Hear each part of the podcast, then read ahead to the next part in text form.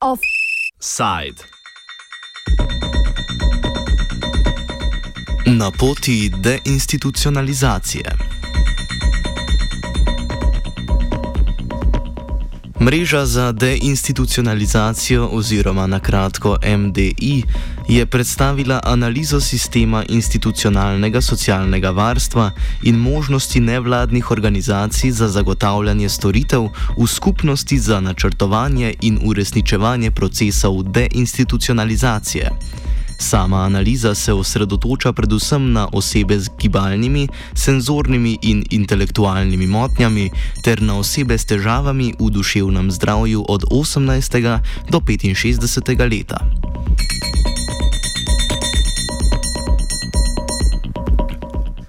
Zauzemanje za proces deinstitucionalizacije, ki smo ga pod drobno gled že večkrat vzeli tudi na Radio Student, sega v 80. leta minulega stoletja.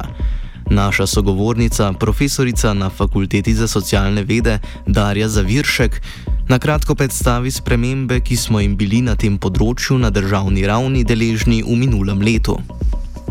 Ta proces deinstitucionalizacije poteka že zelo dolg čas, ampak se je šele um, leta 2014 država zavezala z nacionalnim reformnim programom, da bo, um, da bo začela zdaj institucionalizacijo, zato ker je v to sil Evropska skupnost, ki je to zdaj norma na ravni Evropske unije.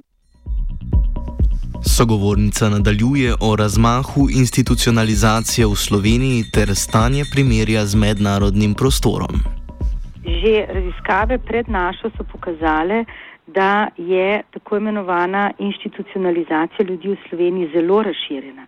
In tudi danes, ko smo kazali zemljevide uh, razpredenosti različnih zavodov, imenujemo jih bodi si socialno-varstveni zavodi ali pa uh, centri za vodenje um, varstvo um, ljudi ali pa kombinirani socialno-varstveni zavodi ali pa varstveno-delovni centri ali pa domovi za stare, če vse to seštejemo skupaj, vidimo, da je ta razpredenost inštitucij ogromna in um, da so not razno razni ljudje. Recimo, um, nihče v Sloveniji ni vedel številke, da je v domovih za stare zelo veliko mladih ljudi mlajših kot 65 let. Čeprav je to zakonsko prepovedano, ampak smo šli po šolski, z mat šolsko matematiko seštevati ljudi, ki uh, so v več kot 80, v 84 domovih za stare in jih najdel skoraj tisoč, kar je ogromna številka. Potem smo šli matematično štet uh, ljudi v drugih zavodih med, v starosti od 18 do 65 let in smo prišli na številko malo več kot 4000 ljudi, uh, samo med 18 in 65 let, ki, danes različ, ki so danes živijo po različnih inštitucijah in za katere predpostavljamo, da bi z primerno podporo lahko živeli v skupnosti, v stanovanjih, doma in tako naprej. Kakšne pa so ovire na poti deinstitucionalizacije? Torej, um, prva uvira je politična volja. Pri nas, uh, čeprav uh, smo od konca 80-ih let že začeli bobnati, da je, uh, da je pri nas inštitucij preveč, pa da uh, ljudje ne potrebujejo tazga obsega storitev velikat in, in, da, in, in so zato prekrajšani za marsikatero pravico in izbire, se uh, je politična volja ni bilo dovolj, da bi prišlo do um, sprememb v tej smeri, čeprav, um, tako kot ste me že prej vprašali, je, um, je dejansko v zahodnih državah Evrope do, do deinstitucionalizacije prišlo že pred desetletji in je dejansko, če primerjamo Slovenijo z drugimi državami, zahodnimi državami, ne vzhodnoevropskimi, to vzhodnoevropske je približno isto kot pri nas, uh, je stvar boljša. Torej, ena stvar je politična volja, druga stvar je z zelo močni to politično voljo povezani lobiji strokovnjakov, ki držijo in poskušajo ohranjati obstoječe stanje. Tretja stvar je, da so te velike ustanove zelo trdni, močni, veliki zaposlovalci v lokalni skupnosti. Večina delavcev, ki dela v teh zavodih in smo jih našteli recimo v petih zavodih um, za, um, za mlade, odrasle in um, so je več kot um, za 1200 ljudi je 1300 zaposlenih.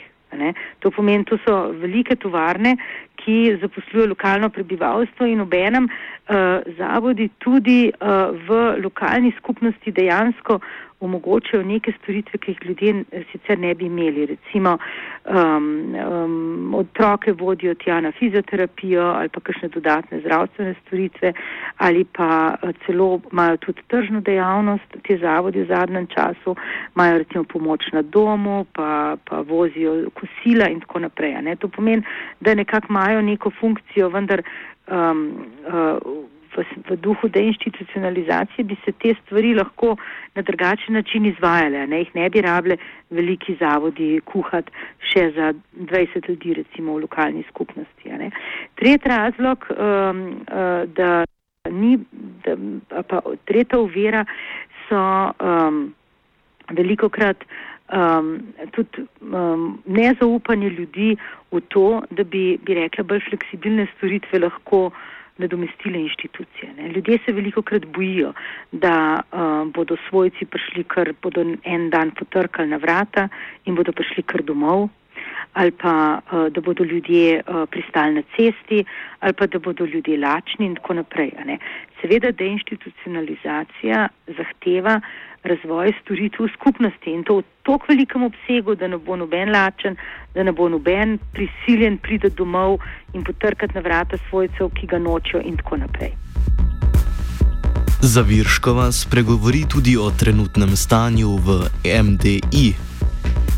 Ja, ta um, mreža, morda je o tem govorila že um, Klaudija Poropat, je um, uspela povezati številne uh, organizacije, ki imajo isti cilj in to je deinstitucionalizacija. In to je že zelo, zelo pomembno. Ne? In uh, pravzaprav uh, je, um, je zelo pomembno, da se, da se ustraja na tem, da država izpolni svojo, um, svojo obljubo, zavezo, uh, da bo dejansko začela z deinstitucionalizacijo. To pa pomeni, da neha preneha name, da inštitucije prenehajo nameščati nove ljudi v uh, zavode. To pomeni, da Ministrstvo za delo, družino in za socialne zadeve preneha financirati novih, nove enote, dislocirane enote, to in uno, ki, kar imajo inštitucije, ki so danes zelo razvejene. Ne. To pomeni, da se država začne ukvarjati s tem, kdo bo pa drug izvajalec storitev, torej, um, zato da res ljudje ne bodo na cesti, da ne bodo lačni in tako naprej. To pomeni, vse te stvari je treba narediti, ampak zato je res potrebno um, in mreža za deinstitucionalizacijo je pravzaprav uh, bedi nad državo. Ne? Uh, in jo spominja in jo upozarja na to, da je zdaj pa res krajni čas, da se nekaj naredi. Zato, ker kogarkoli vprašate, a bi vi radi živeli, v zavodu, če boste slučajno imeli prometno nesrečo, pa ne boste mogli več hoditi, pa obračati volana, recimo. Noben ne bi hodil, hotel živeti v zavodu. Ampak vsi pa na nek način pristajamo na to, da če se pa komu to zgodi, pa ni druge izbire. Ne? Kaj pa MDI priporoča na poti do učinkovite deinstitucionalizacije? Eh, mi smo uh, pisali uh, o priporočilih ne, in fokus pa je bil, uh, kako lahko nevladne organizacije um, skupaj z transformacijo že obstoječih inštitucij um, sodelujejo v tem procesu. Ne, in priporočila so se vezala zelo na to, da um, da je zelo veliko stvari, ki jih potrebujemo pri deinstitucionalizaciji. Osebna asistenca, dnevne centre, krizne centre, um, stanovanske stanovanja in tako že, že obstaja, vendar uh, je tega premalo. in da se mora država zagotoviti vsaj 50-odstotno više financiranje nevladnih organizacij, da morajo lokalne skupnosti, občine uh, zagotoviti prazna stanovanja, da bi bil vedno nek fond stanovanj, ki je namenjen za uh, ljudi z uverami, ki ga lahko dobijo, za neprofitno najemnino in tako naprej in da, um, da se s tem seveda se more spremeniti tudi zakonodaje in smo navedli nekaj zakonov, ki se morajo spremeniti zato, da tudi nevladne organizacije vstopijo bolj enako vredno v to, um, v, v to področje, ne, kot pa zdaj, kjer so delali na pol zastojn ali pa s prostovoljci ali pa sploh niso, zato ker ni bilo, niso imeli kapacitet. Za konec Zavirškova spregovori še o obetih za deinstitucionalizacijo v prihodnje. To bo potekalo v ozračju vse splošnih vrčevalnih ukrepov.